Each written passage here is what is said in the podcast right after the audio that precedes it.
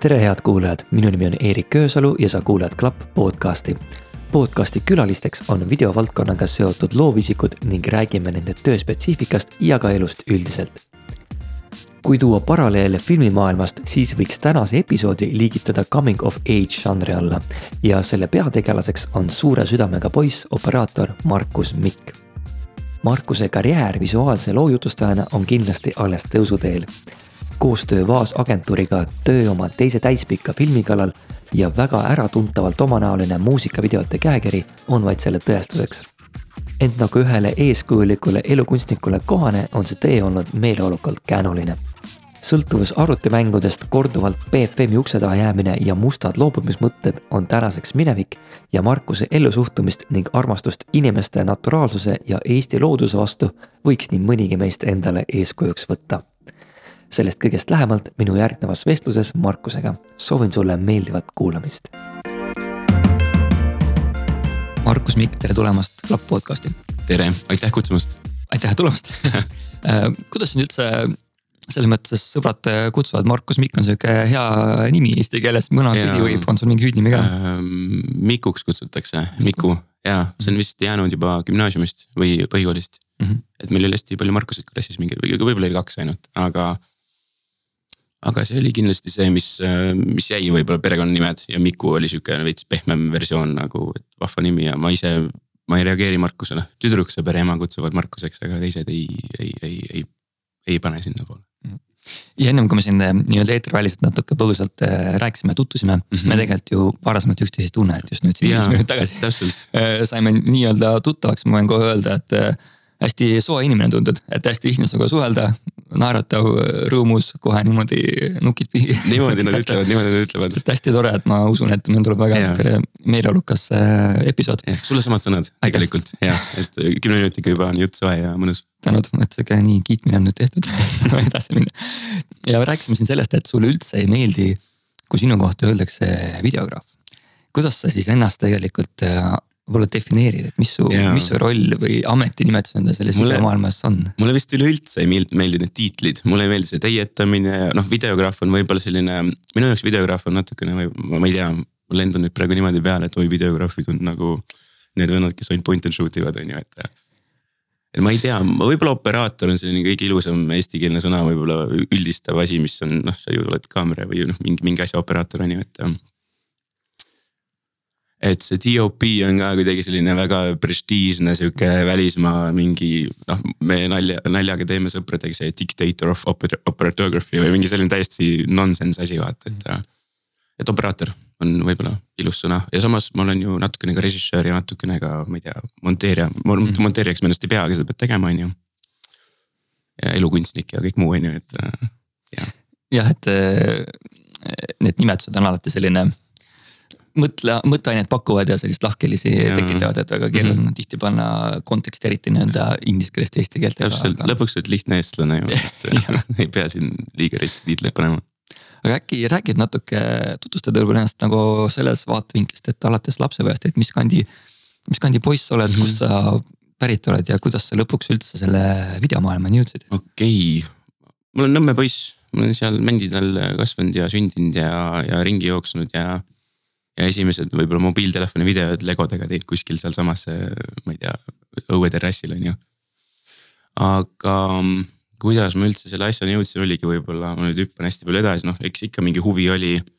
vaatasid kaheteistaastaselt terve öö mingi Hitchcocki filme on ju, olid hirmunud ja kuidagi see huvi tekkis edasi, et sa said aru, et see ei ole nagu päris, aga see tekitab sinus nii palju emotsiooni on ju. ja kes sulle neid filme näitas, kas sa ise leidsid need kedagi või sa saatsid ma olin, ma olen elus ka ikka nagu erinevaid ameteid teinud, et äh, ma olin tegelikult kaheteistaastaselt mitteametlikult oma, oma sugulase mm, poes tööl. öövahetuses jah, ma olin kaksteist ja see oli sihuke vahva aeg, et müüsid pomšikutele õlle ja värki ja. kaheteistaastane. luugist ja, ja öösel ja, et selles suhtes nagu noh tegelikult ega sa ise ju ei joo seda vaata, et noh, see on sihuke mitteametlik värk, sihuke suve, suvekeika oli kuu, kuu-poolteist on ju ja seal oli öösel ei olnud vahepeal mitte midagi teha, pidid öösel üleval olema sihuke mingi kümnest kuni kuueni hommikul äkki. ja siis äh, no ma ei olnud üksi muidugi, on ju, ja siis ma vaatasin seal vahepeal telkut, et ootasin, ei, ei. ootasin seda koputust sinna luugi peale, seni vaatasin lihtsalt, seal oli mingi Hitchcocki mingi, ma ei tea, mingi retrospektiiv või, või mingisugune maraton oli, terve öö oli Hitchcocki. Psychod äh,, linnud olid seal, mingid, kõik kogu kombo oli terve öö vist, ma arvan, et mingi Kanal kahe pealt näidati lihtsalt terve öö midagi. viisteist aastat tagasi, jah ja sealt see sai huvi alguse vist, et kuidagi, kuidagi ma tundsin, et see nii väga mõjutas, aga ma ei saanud öösel magada, ma nägin õudukaid pärast seda, noh hommikul on ju. aga kuidagi väga-väga nagu puudutas ja hakkasid lihtsalt nagu tundma, et äkki see on midagi, mida võiks nagu kuskile suunata, aga ma ei, mul ei olnud tutvusi, mul ei olnud nagu kaamerat, mitte midagi, on ju. aga ma hakkasin vist EMS-i mobiiltelefoniga lihtsalt legosid filme, mingit stop motion'it, aga sinna olid häid, ma ei saanud neid isegi arvutisse tõmmata. Mingisugused Counter Strike üks punkt kuue videod olid, mida sa raamatu sihukese kuhja peal seebikaga filmisid arvutiekraani ees on ju, et mingid siuksed eks sealt läks edasi ka see mingi arvutimängude peale. olin äh, mingi viisteist, kus ma sain oma esimese arvuti oma mingi suvetöö rahade ja kogutud rahadega, mul mingi kindel taskuraha oli alati kuus. mis oli kolmsada EKU kuus see oli see lastetoetusraha, mis EMS mulle alati andis. Ja siis kuidagi see oli minu raha. Ja ma, ma ei raisanud seda ja ma kogusin seda aastaid, ma saaks esimese arvuti osta. Ja siis oli kuidagi. hakkasid Minecraftist ja asjadest videosid tegema. Ja siis see läks ka päris suureks, hakkasid isegi koolikord raha teenima, said aru, et sealt nagu saab taskuraha teenida ja vahva. kas siis, kui sa seal ähm, õllesi läbi luugipomskutega müüsid, kas siis kuhu siis see raha kulus? Mm,? ma ostsin vist PSP endale Sony Playstation Portable vaata oli kunagi see käsikonsool, et see oli võib-olla, sest mul sõber ostis, mul oli aasta aega see puutumata see raha. ja siis mul sõber tuli, sai sünnipäevaks endale PSP ja ma olin no kurat, mul on ka seda vaja vaata, et nagu ma läksin järgmine päev poodi.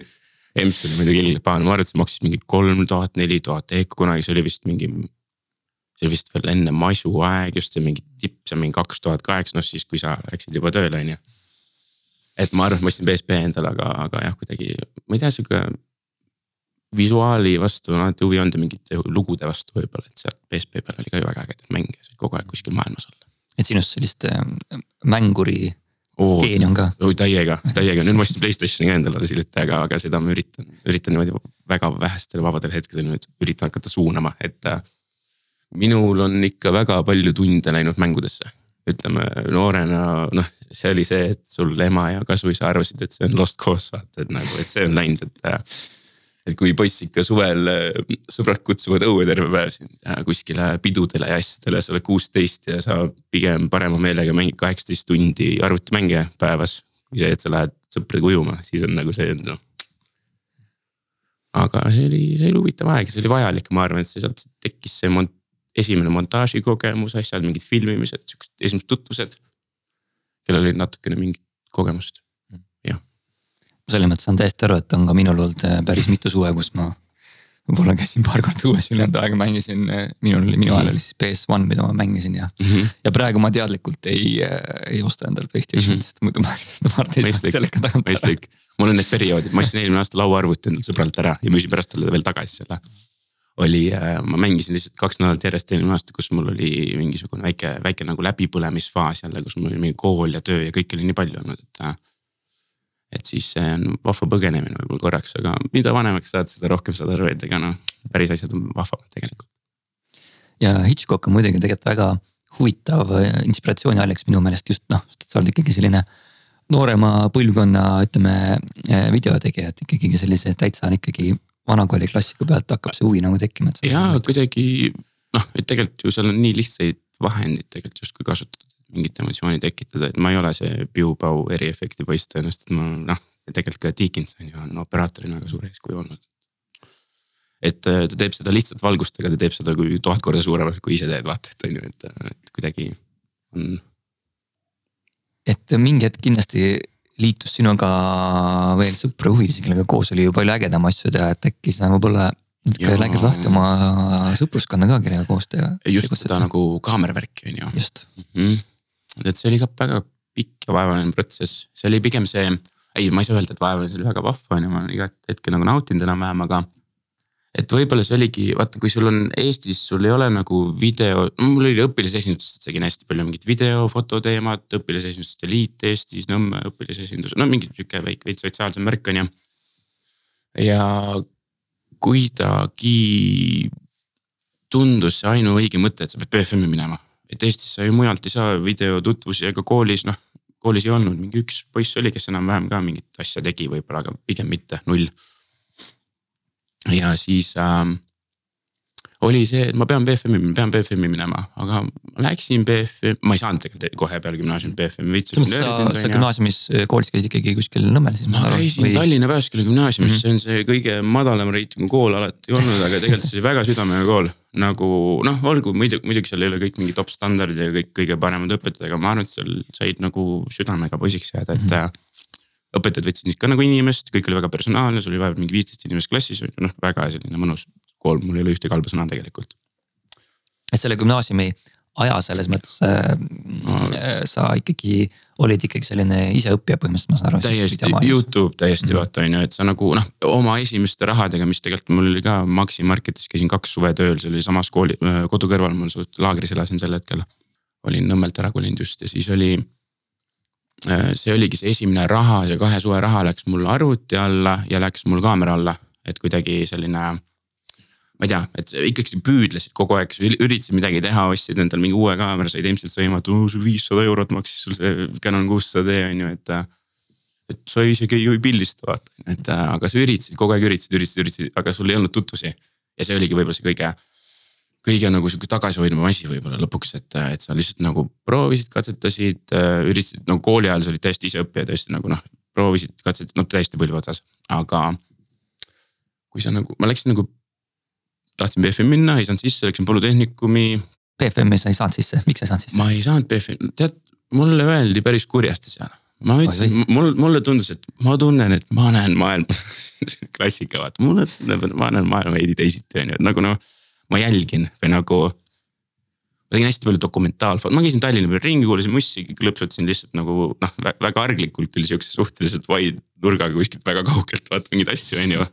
atmosfääri peamiselt võib-olla mm aga siis nagu ma mäletan, Arvo Eho vist ütles ka mulle, et kuule, et noh, ma ei tea, meil käib iga kord siukseid vendi, kes ütlevad, näed maailma teisiti, mina ei näe, et su piltides oleks midagi teisiti, et nagu.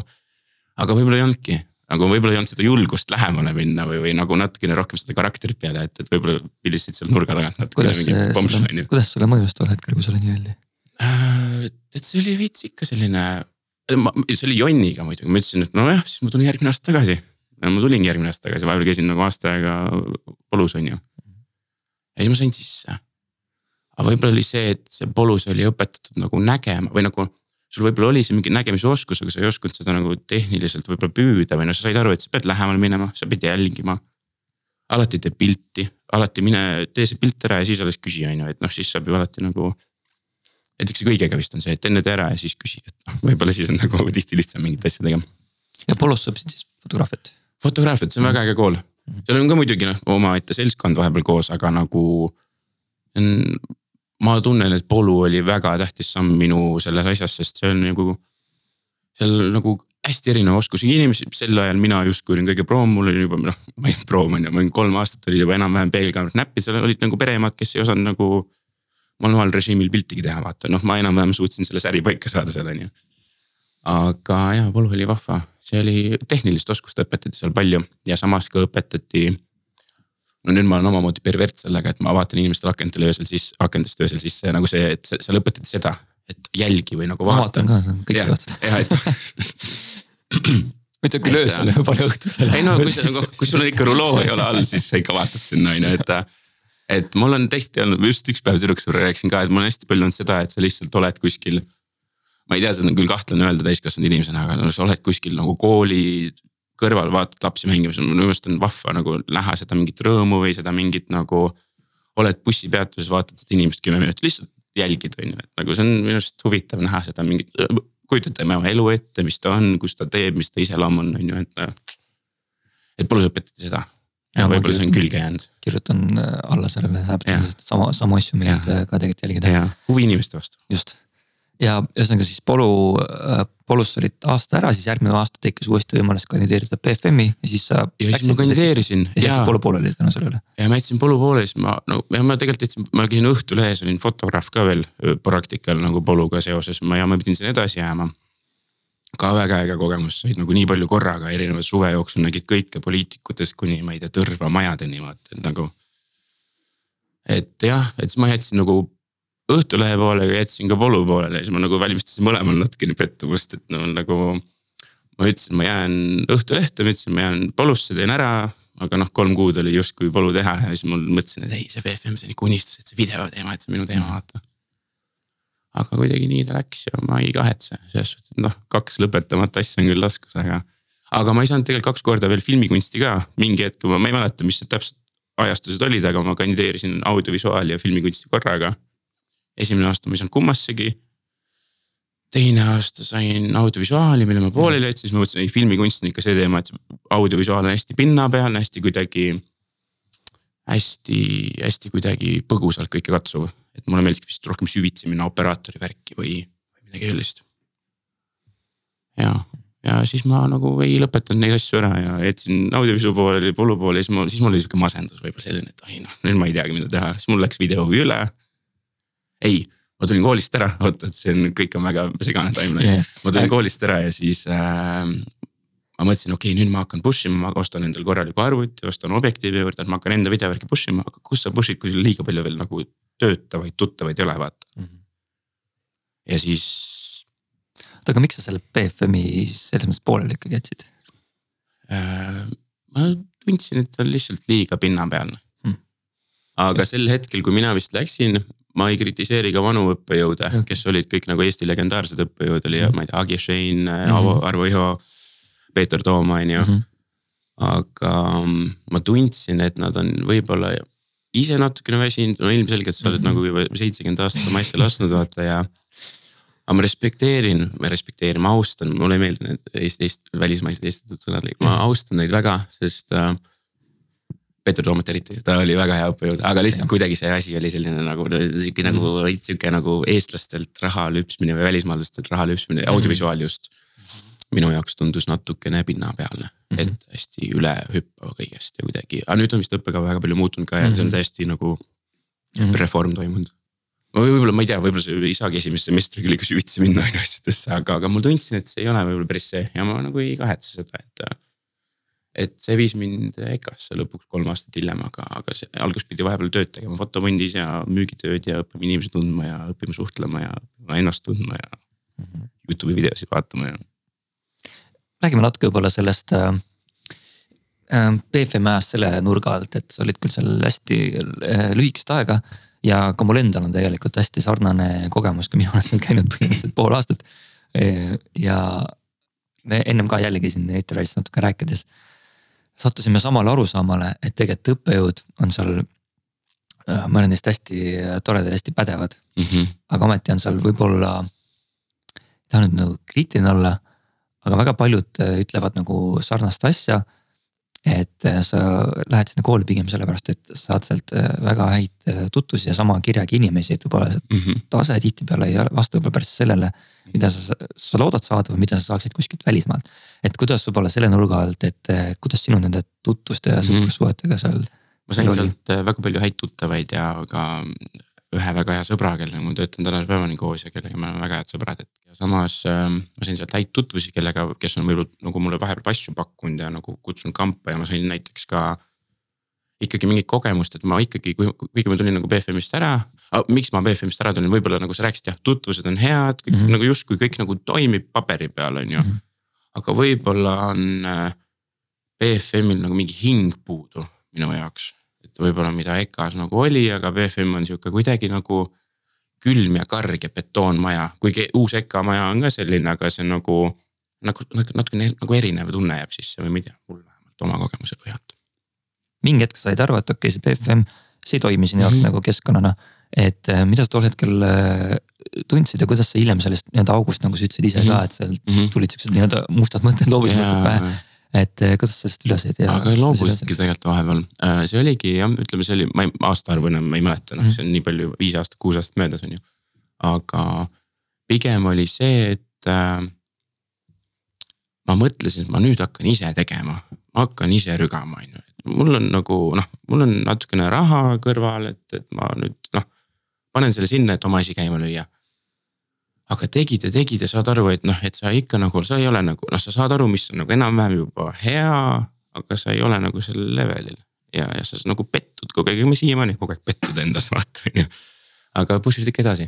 aga see oligi vist see, et sa lihtsalt üritasid, üritasid, üritasid, aga kuskile see ei viinud. ja, ja üks hetk ma mingi kuus kuud üritasin ja lõpuks oli see, et äkki peaks lihtsalt korraks midagi muud tegema ja see on mm. kõige õigem otsus võib-olla üldse, et et võib-olla see ongi see hetk, kus sul tekib see päris huvi või sa saad aru, nagu ma hakkasin väga, tõmbasin hoo maha, ostsin enda, müüsin videotehnika maha.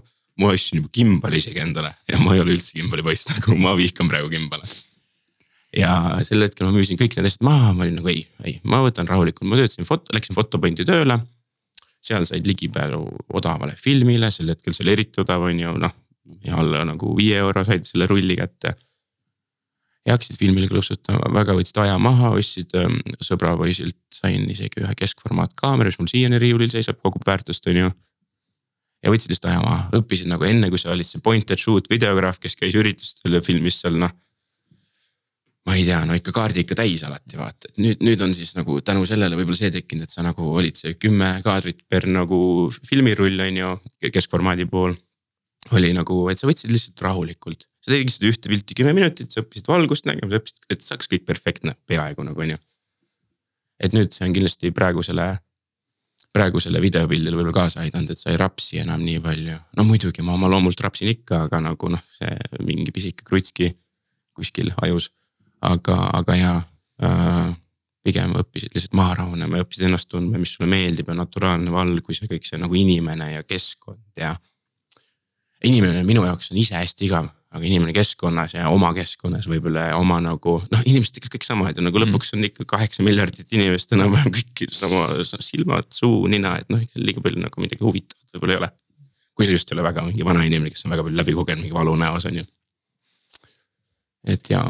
see filmile pildistamine võib öelda kujundas natuke sinu võib-olla tänast siis äh, käekirja. kindlasti, kindlasti jah, selline mingi naturaalsus või mingisugune sihuke puhtus või mm. -hmm mis oli äh, ja miks ka tegelikult ma võib-olla EKA-sse läksin, oli see, et ähm, EKA-sse ma läksin, jah, ma ei saanud vahepeal tegelikult, ma mõtlesin, ma nüüd arendan ennast, et siis lähen uuesti filmikunsti. ma läksin uuesti, üritasin filmikunsti saada, ma ei saanud. ja siis ma ei saanud teist korda. ei saanud teist korda ja siis ma mõtlesin, okei, see ei ole minu jaoks. Aru ütles ka midagi uuesti sulle veel keegi teine komisjonis. tead, ma ei mäleta enam, ma käisin neli korda lõpuks BFM-i katsetel, noh ühe korra said sisse, aga sellega ei olnud rahul ja lõpuks noh, said aru, et vist äh,. ma sain alati lõppvooru filmikunsti puhul ka, ma sain alati sinna noh, sinna kõige viimasesse vestlusesse, kus oli vist kümme inimest veel järel ja kuus sai sisse või mingi sihuke. alati said sinna, aga siis sain lihtsalt aru, et ma andsin ennast kõik nädal aega järjest punnisid, punnisid, punnisid ja lõpuks nojah, ma ei pea siia enam tulema. aga sealsamas filmikunsti katsetel ma kohtusin Meele Jurmetiga kellega me tegime esimese täispika filmi, milleni tõenäoliselt ka kunagi võib-olla jõuame äkki. jõuame kindlasti jah, räägime kindlasti sellest ka. et, et seal me kohtusime katsetel ja Meel vaatas, oo sul on nii äge käekiri on ju, et oh teeme filmi aga siis noh, see läkski omamoodi, et said aru, et okei okay,, BFM ei ole sinu jaoks, et noh. järelikult kellelegi teisele su asi meeldib, aga BFM-i võib-olla sul on oma mingi maitse juba liiga välja kujunenud või noh, nad tahavad võib-olla voolitavamat asja on ju. või oma mingi jah, arvamus asjadest. ja siis sa leidsid ometi peale seda, kui sa nii-öelda leidsid endast selle rahu veits ja nüüd iseennast arendasid, sa mingi hetk mõtlesid, okei okay,, et EKA võiks olla variant. ja, ja EKA-sse ma läksin tegelikult sellepärast, et äh, me saime Meele Jurmetiga kokku, istusime Meele punase golfi tagaistmel, vana golf. istusime seal, mina istusin tagaistmel, küsisin noh, what's up, vaata, et hakkame filmi tegema, on ju, esimene miiting üldse, me, ma ei olnud, me ei olnud sõbrad liiga poistega, me olime näinud üksteist ikka linna peal mingitel keikadel, asjadel koos filminud, on ju. aga kuulge ja, ja me mõtlesime, lähme nagu, et nemad rääkisid, kuule ja, et hakkame filmi tegema, me mõtlesime, et me lähme sügisel EKA-sse ka. ma olin nagu, ma olen ka mõelnud EKA-sse, et seal on see filmiskänner, vaata, seal oli trummelskänner. ja mul oli alati mõte, noh, et kui sa filmiga tegeled, siis tasuta skännida, kvaliteet, noh kuidagi tundus sihuke nagu äge suund, kuhu liikuda on ju, et filmi, filmi, natukene pildistasid filmi peale, tundus väga huvitav maailm see. nišikas. ja siis nad ütlesid, lähevad EKA-sse ja siis ma ütlesin, noh perse ka, vaatasin nädal aega on veel selle application'i aeg, vist oli mingi juuni algus või midagi, juuni keskpaigaks pidid sa selle ära, ära, ära saatma, juulis olid juba katsed. mingi kaks nädalat enne, okei okay,, ma tulen ka, proovin ka ja siis oli ka jälle see, et see nädal aega, seitse päeva, ainult elasin selles, kirjutasin ainult esseed, ainult olidki kogu aeg selles mullis sees, on ju. ja siis, äh, ja siis sai TEKA-sse, et see oli ka kuus, kaheksa inimest oli kursusel, noh selline hulk ja tegelikult oli täitsa uhke tunne, et noh, said aru, et võib-olla. sa andsid endast kõik ja nad nagu said sellest kõik võib-olla, et nad võtsid su vastu. et BFM-is oli teistmoodi, et võib-olla nad nägid sinust midagi või ma ei tea, NEK oli väga vahva kool, väga, väga äge, hingega kool. Et see just, mida sa tol hetkel otsisid, mis oleks täpselt, nagu hingega. täpselt, aga jällegi võib-olla EKA-s noh õppejõudude poolest võib-olla valmistas neile pettumust, sest mulle endal tundus, et see Covid tuli peale kuidagi sihuke nagu. see nagu sihuke kodus õppimine, mul ei ole üldse teema, mulle meeldib seal keskkonnas olla teiste inimestega, ma olen hästi selline, et nagu. ega ma ise ei alusta ja lõpeta asju, aga ma olen see keskmise ala vend, kes on protsessis, kes on täiega nagu on, on, on, on innustatud sellest. See on äh, väga hea selles mõttes definitsioon, et äh, ma arvan, et Pole ise sellel kunagi, kunagi mõelnud, aga ma arvan, mulle meeldib sarnane asi mm -hmm. nagu sulle, et mulle meeldib seal selles protsessis olla yeah.. ma ka nagu väga ei alusta ja pole lõpetanud yeah,. ja samas nagu mingi süntees ja või ma ei tea, kuidagi sa lihtsalt nagu innustud sellest teiste energiast ja sa annad neile seda tagasi ja kuidagi selline.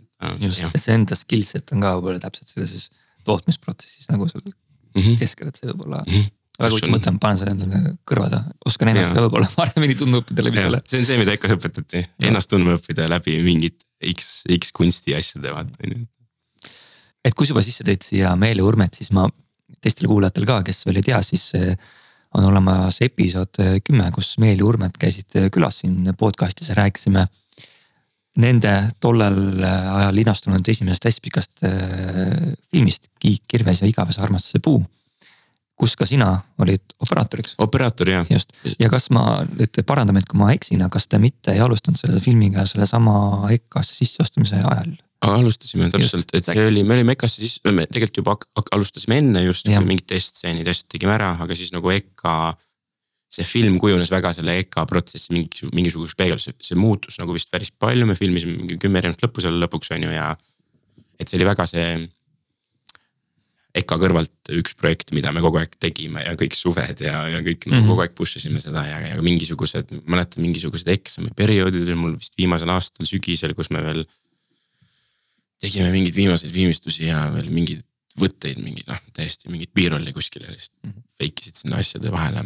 ja siis oli ka selline, et kool sai kõvasti kannatada selle tõttu ja, ja vastupidi võib-olla ka, et, et. jah, et eks EKA oli minu jaoks selline natukene.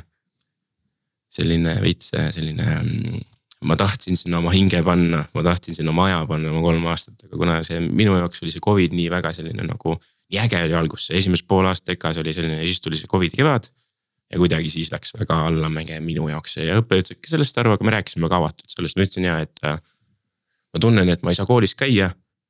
Aga mul nagu videoäri jõitseb praegu, et nagu mul tuleb uusi kliente, sotsiaalmeedia sai täiesti uue buumi, kõik see on ju, mul tuleb nagu nii palju igasuguseid asju peale, et ma ei saa neile ei öelda, et nagu muidu ma oleks lihtsalt, ma istuks kodus. oleks kolm tundi päevas videoloengutes ja, ja mängiksin Minecrafti on ju ometi etteruttavalt võib öelda, et sa ju lõpetasid EKA siiski. ma lõpetasin EKA poolteist aastat tagasi väga läbi suure pingutuse, väga läbi, väga suure valu justkui. Et mul sain ka noh, kuna mul nagu see freelance värk oli käima läinud, ma olin vist ka nagu silma jäänud oma heale sõbrale, kelle, kellega koos me tegime tegelikult mingeid muusikavideoid, asju ja siis ma sain sellisesse agentuuri nagu Vaas. et mind kutsuti sinna tööle, et seal oli ka tööjõudu juurde vaja ja ja operaatorid ja režissöör ja monteerija, noh, seal täidame natukene kõiki, kõiki kingi. korra tulen tagasi selle juurde, et EKA sa lõpetasid ära. aga sa mainisid ennem ka seda, et Meeli Urmetiga sa tegelikult kohtusid siis nii-öelda äh,. BFM-i katsetel, katsetel, filmikunsti katsetel, kus nemad tahtsid režissööriks vist või Urmet stsenaariumi, ma ei mäletagi, aga mina tahtsin operaatoriks. no nemad ka tegelikult sisse ei saanud. Nad ei saanud, keegi ei saanud. just, nemad ei saanud sisse, sina ei saanud sisse. siis me tegime oma filmi. täpselt, ja siis suht kiiresti leidsite ennast, et okei okay,, lähme EKA-sse ja samal äh, suvel põhimõtteliselt hakkasite mõlemad, hakkasite kolmekesi siis tegelikult tegema juba oma esimest mm -hmm. hästi pikka filmi. ja see hetk, kui ma BFM-i sisse ei saanud, siis Urme või Meel kirjutas mulle nädal aega hiljem, kuule, et sul on väga äge käekiri, et meil tuleb uus täispikk film ja siis aasta aja pärast hakkasime juba filmima et kuidas te tol hetkel ennast võib-olla tundsite, et just filmikooli sisse saanud, aga nüüd me hakkame täispikka filmi, mis tegema, et mis mõtted teil võib-olla tol hetkel valdasid äh,? ma arvan, et meil on hästi palju filme teinud elu jooksul, nad on ju lapsest saadik juba igasuguseid filmikesi filminud, kaamerad, asjad, kõik värgid on ju väga loov perekond, väga äge perekond. Et, et Meel, ma arvan, ennast päris kindlalt, et noh, muidugi ta nagu äh, võib-olla ta oli hästi nagu noh, hästi, see oli hästi Wessi, hästi Wes Andersoni käekirjaga mingisugune asi, mingisugune paralleeluniversum Eestist on ju. et see uus film, need pikad paberid, mis meil on, on kindlasti on kindlasti rohkem meelefilm, mitte enam nii palju võib-olla see Wesist inspireeritud film on ju. ja äh, mina ei tundnud ennast kindlasti mitte kindlalt äh,, ma olin mul oli õnneks täitsa okei ka AC, kes praegu töötab Gripi alal, Arvi Tampu on äh, äh,. tema oli meie AC ja me tegime seda filmi niimoodi, et meil olid suured näitlejad tegelikult ikkagi justkui ja me tegime seda filmi põlve otsas niimoodi, et esimesel võttepäeval mina ei teadnud false color itest mitte midagi, ma liiga palju ei teadnud valgustamisest, säritamisest, kõik see, et nagu kõik oli mul see foto taust oli kuidagi mm. nii juurdunud minus, et. Mis tehnilisega võime, võimekust üldse filmistada? me filmisime Pocketiga lihtsalt see Blackmagic Pocket Sigma kaheksateist kolmkümmend viis ja mitte isegi Metabones'i adapter, vaid see Viltroxi Hiina adapter. ja me tegime kahe LED-paneeli ja ühe tuhande eurose kaameraga tegime selle filmi ära põhimõtteliselt ja. see nägi lõpuks väga hea välja. ja see nägi lõpuks see, et välja, et no see nägi see, mis ta nägi välja, et nagu noh. väga stiilne. väga stiilne, täpselt Eestis ei tehta selliseid asju liiga palju on ju. Ja ei, see on täitsa, see on õppeprotsess, see oli minu BFM, mina ütlen seda alati, et äh, see oli läbi esimene suvi meil oli arvid olemas, noh, kes noh, väga palju toetas, tegi, pani kõik asjad, setting ud paika ja siis noh, ise vaatasid ka kõrvalt, okei okay,, esimesel võt-, esimese võttepäeva õhtul teised olid saunas, jõid õlut, siis guugeldasid tekki ja what is false color et äh, õppisid seda tundma, et see oli väga vahva protsess ja väga-väga äge õppeprotsess. see kestis ju tegelikult kaks suve või kolm suve isegi. see kestis kolm suve lõpuks ja, ja see oli, see oli, see oli päris pikalt. samas kindlasti hindamatu teile kõigile, kes mm -hmm. kambas olite mm. -hmm.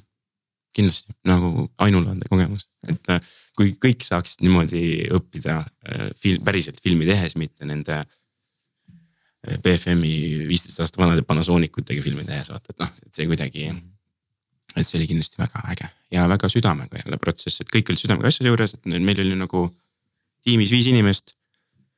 kõik täitsid autojuhi koka ja, ja ma ei tea, second AC rolli põhimõtteliselt, et see oli, kõik oli, kõik olid asja juures. isegi näitlejad tõstsid vahepeal neid kohvreid meil vaata, et see oli äge ja nagu me ka mainisime, siis ikkagi Egon Nutter, Marko Mater on ju suured näitlejad. ja Andrus Vaarik oli ja, ja täpselt, et Jan Uuspõld, et nad ja nad kõik tegelikult väga nautisid. no võib-olla nad ütlesid, et nad nautisid, aga nad nautisid võtte peal olekut, Andrus eriti nagu ta oli mingi vampiiri kostüümis, ta lihtsalt tegi lapselapsega kõne, vaata tegi Facetime'i või midagi. et nad olid kõik tundus, et kõik olid pingevabalt seal setil, et, et no eks nad ikka nagu tahtsid oma performance'it nagu hästi anda, aga nad said aru, et see on nagu justkui nagu mingi Mihkel Raud isegi oli seal. jah, mingid sellised asjad, et äh, Mihkel Raud ütles, et oo mingi õpilasfilm, vaata mingi Raino eelmisele filmile vist. ja siis ta sai see kutse sellest, siis aru, et see on veel rohkem õpilasfilm kui teine. aga kõik nautisid vist. väga, väga kadestamisväärne protsess, et hea meelega teeks ise sarnast asja äh,. aga juba sa mainisid seda, äkki räägime natuke, et nüüd tuleb teil uus täispikk film, Pikad paberid. praegu siis võtteperiood käib, on juba läbi Äh, praegu on pool võtteperiood, suvine võtteperiood on meil läbi, praegu on siis oktoobri keskpaik mm. -hmm. ma ei, ma ei tea, millal sul see välja läheb, aga meil hakkab nüüd novembris, oktoobris, novembris ja detsembris on veel mingisuguseid nädalaid ja nädalavahetusi. mis võib-olla sinu jaoks on nüüd äh, muutunud võrreldes selle eelmise täispikka filmi tegemisega, mis sa vahepeal nagu juurde õpid, mida sa nüüd seekord teistmoodi teed mm? -hmm. kõike, kõike, kõike. üks asi, mida me kindlasti ei tee, on nüüd äh, vist, me üritasime teha mingi shot list, mingi plaan. aga saad aru, et sa lähed sinna platsile, noh, et on ikkagi see, et on äh, selline tegemise käigus sünnib see asi. et, äh, et meil kirjutab ka kogu aeg vaikselt ümber, mõtleb mingeid mõtteid, saab mingit uut emotsiooni, inspireerub näitlejatest, set'il kõigele on ju. kindlasti on see, et kaamera on palju suurem, tiim on natukene suurem.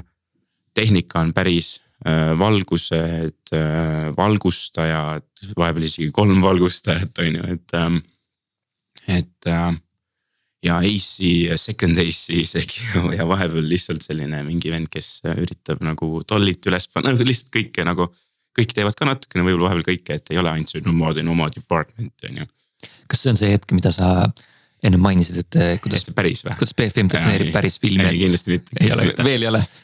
Meil... aga äkki sa tuletad meelde korra, kuidas see, mis see BFM-i arvates siis päris film on? et see viiskümmend inimest platsil ja see kuidagi see suur nagu sihuke mm. nagu meie nagu Meel ütles vist ka alles hiljuti, paar kuud tagasi seda, et, et mingi sõber oli kuskil BFM-is.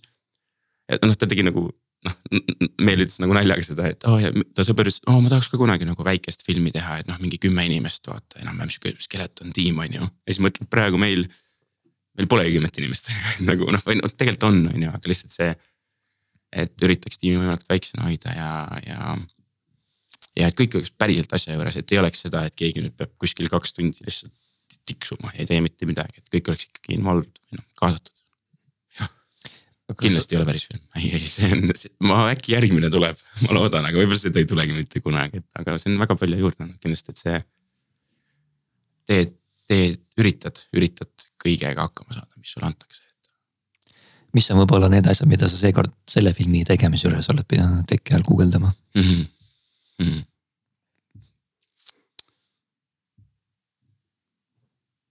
tead ei olegi vist. vaata nüüd on nii palju nagu selle noh, oled vahepeal seal noh, muidugi sotsiaalmeedia palju väiksemas mahus neid mingisuguseid videoid tootnud, mõnes mõttes ka suuremas on ju, kiiremas tempos. aga neid tekialuseid guugeldamisi vist ei ole, kuigi võib-olla, kui ma kui ma ei eksi, no sest mul ei ole seda BFM-i sõnavara, BFM-i seda värki, et võib-olla. Magliner oli selline asi, mis mu esimene päev, see on see kaamerakäru, vaata. jah, see, kus sul on kogu tehnika peal Magliner, seal on nagu, see on vist firma nimi, no nagu Pampers ja alla mingi siuksed asjad on ju, Pedigree või mingi noh sihuke. et äh, äh, jah, et võib-olla oli see Magliner oli võib-olla see sõna, mis ma, kus oli oh, Maglineri peal, siis ma, oota, mis asi Magliner on, noh AC-d on nagu päris inimesed meil nagu kõik on nagu päris nagu tegijad nagu selles, selles, selles industry's. et see jah, aga ei ole liiga palju, võib-olla nagu enam-vähem juba tajud, mida sa teed ja tead, mida sa tahad, võib-olla vähemalt, et see on võib-olla, et tead, mida sa tahad, võib-olla see on kõige olulisem. siis on ju väga hästi. Sa oled siis nii-öelda ikkagi diopi rollis, sa ei taha küll seda sõna väga kasutada. Dictator of operatoography. nii-öelda just operaator rollis, et kui lihtne või kerge on seal võib-olla siis enda mõtteid, ideid siis nii-öelda valgusosakonnale, valgusosakonnale edasi anda. Mm -hmm Äh, valgusosakonnaga on see, et äh, valgusosakonnas on äh, ka üks noor poiss tegelikult, Markus Roover, kes on kähver meil, on ähm,. ma, ta tegelikult käis mulle pinda, kuna ma töötasin fotopondis ja tema töötas peale mind fotopondis ja noh, ma vist olin sihuke fotopondi legend Kristiines vähemalt, et nagu ta nägi mu pilte kuskil seinte peal ja ta teadis mu nime, aga ta ei olnud kunagi kokku viinud. ja siis ma ükskord sattusin fotoponti ja siis ta vist kohe haaras võimalust, kuule, et noh, ta oli ka videohuviline, kuule, et kui sul on mingid projekt, noh jäime rääkima, sest ma ikka käisin tutvumas uute inimestega, kuigi ma olin juba kolm-neli aastat töötanud, vaata on ju. Et kuule, kui sul on kuskil vaja mingisuguseid, mingit valgustajat või mingit AC-d või kedagi kuskile. et siis, et siis kutsu mind ka, et ma tahaks õppida, et ma just lõpetasin kooli ja mul ei ole veel kogemust, aga vaata sa ei kutsu võõrast inimest otseselt, et see nagu. viimases hädas ükskord sul ei olnudki seda valgustajat vist kuskil mingil võttel okei okay,, ma helistan talle. ja ta on väga muhe vend, ta on ka südamega poiss ja sa said noh, selle ühe võtte, mulle meeldib inimeste puhul see. Kui nad märkavad, kui nagu inimene päriselt paneb tähele, märkab ja on nagu sada protsenti südamega asja juures, muidugi peale viieteist tunnist päevas ei saa seda vahepeal eeldada, on ju. aga Markuse puhul jah, et selles suhtes, et ta, ta mõtleb kaasa aktiivselt ja ta märkab ja ta näeb, kui sa oled hädas või ükskõik mida, on ju noh, et et see on, mida ma hindan inimeste puhul, on see, et sa märkad ja ma arvan, et meil koostöö klapib ja ta teeb, teeb väga ägedalt ja hästi ja isegi paremini, kui ma ise teeks. Kui ma peaksin valgust tegema või mida iganes, on ju, et. et ta on väga kiire õppija olnud ja väga äge kaaslane protsessis. ja nende mõlema filmi puhul kindlasti me ei saa üle ega ümber Californiast ja eeskätt eh, Ryan Rannust on ju mm. -hmm. et millist rolli võib-olla tema on teie, teie siukses või sinu kujunemisloos nii-öelda mänginud? Rain on kindlasti see äh, hea produtsent, kes on lubanud meil õppida, et äh, eks ta ikka käib meil, ta ju tegelikult ju ei ole liiga palju nagu näpp perses kogu aeg, et ta nagu ikkagi käib meil platsil, no eks tal on meelega kindlasti tihedam koostöö, ta on nagu meelega rohkem. rohkem sõber kui nagu minuga on ju, kui operaatori, kes ainult tahab raha kulutada kogu aeg on ju, et, et äh, kindlasti, ma väga hindan California, ma tegelikult tegin sihukese tänu, tänupostituse ka, kui kirves välja tuli. Äh, Facebooki seinale panin lihtsalt mingi väikse teksti, et see oli väga selline, et see on minu BFM olnud, see on minu nagu ja see on vahva, et äh,. California, nii Tõnu kui ka Rain lasevad sul asju teha. annavad sulle lihtsalt võimaluse, isegi kui sellel esimesel filmil oli nagu noh, see üks tuhande eurone kaamera kaks lihtsat valgust on ju, mingitel suurematel asjadel võib-olla oli kolm valgust on ju, noh nihuke mingi. LED-paneelikad on ju ja väike heiser kuskil. et, et see on lihtsalt äge, et, et on see võimalus, et hästi raske on ise hakata kodus tooli peal õppima, et noh, ma vaatan Youtube'i videoid, ma nüüd õpin siit vaata. Tegelikult see hands-on protsess on see, mis nagu on nemad võimaldanud. miks sa arvad, miks nad, millest neil see usaldus noorte filmitegijate vastu? ma arvan, et äh, see meele, see tüdruk punases golfis, mis oli tal vist millegipärast oli tal seal äh,. kosmoses oli esilinastus kunagi, kus mina ei käinud. kus ma mõtlesin minna, et sealt sai Rain vist nagu meele nagu käekirjaga tuttavaks ja ta usaldab meelt. ja ma arvan, et meel usaldab mind ja ma olen ka hästi fluid mõnes mõttes, et ma suudan nagu noh. meil on meelega hästi sarnane silm, noh eriti see nagu, mis me oleme sama sa, sarnase silmaga kohast tulnud mina ei olnud kunagi liiga palju Vessi filme näinud, aga mul oli väga mingi sümmeetriline käekiri, väga värvid ja värgid on ju. keskkond. ja nüüd on ka vist see, et äh, ma adapteerusin selle meele uue visiooniga. mis on siis hästi pikad zoom'id ja siuksed kolm minutit pikad stseenid ühes kaadris, et, äh, et võib-olla see. Võib-olla ta usaldab seda meele poolt ja siis sealt võib-olla kuskilt kaugelt natukene mind ka ma ei tea veel täpselt muidugi, kuidas see uus, uus film hakkab välja nägema, aga kui mõelda teie eelneva töö peale ja tegelikult sinu käekirja peale üldse. eeskätt sinu muusikavideote peale mm. -hmm. siis äh, üks läbiv joon tihtipeale on kindlasti seal selline retro vibes, retro hõng, armastus vanade asjade vastu, vanad tehnikad, vanad autod. Millest see sinu puhul tuleb? võib-olla see tuleb natukene meelelt, ma ei tea ka võib-olla ma inspireerusin sellest Kiigust ja Kirvest nii väga ja kuidagi sellest nagu, et see on mingi, mingi atmosfäär, mida see annab, mingisugune emotsioon, mida sa võib-olla tahad edasi anda. kas see on siis nagu mingi imala armastuslugu või, või, või mingisugune vahva mingisugune. ma olen hästi nostalgitseja tegelikult ja tegelikult kui ma ise mõtlen nagu oma lapsepõlvele mingisugustele hetkedele.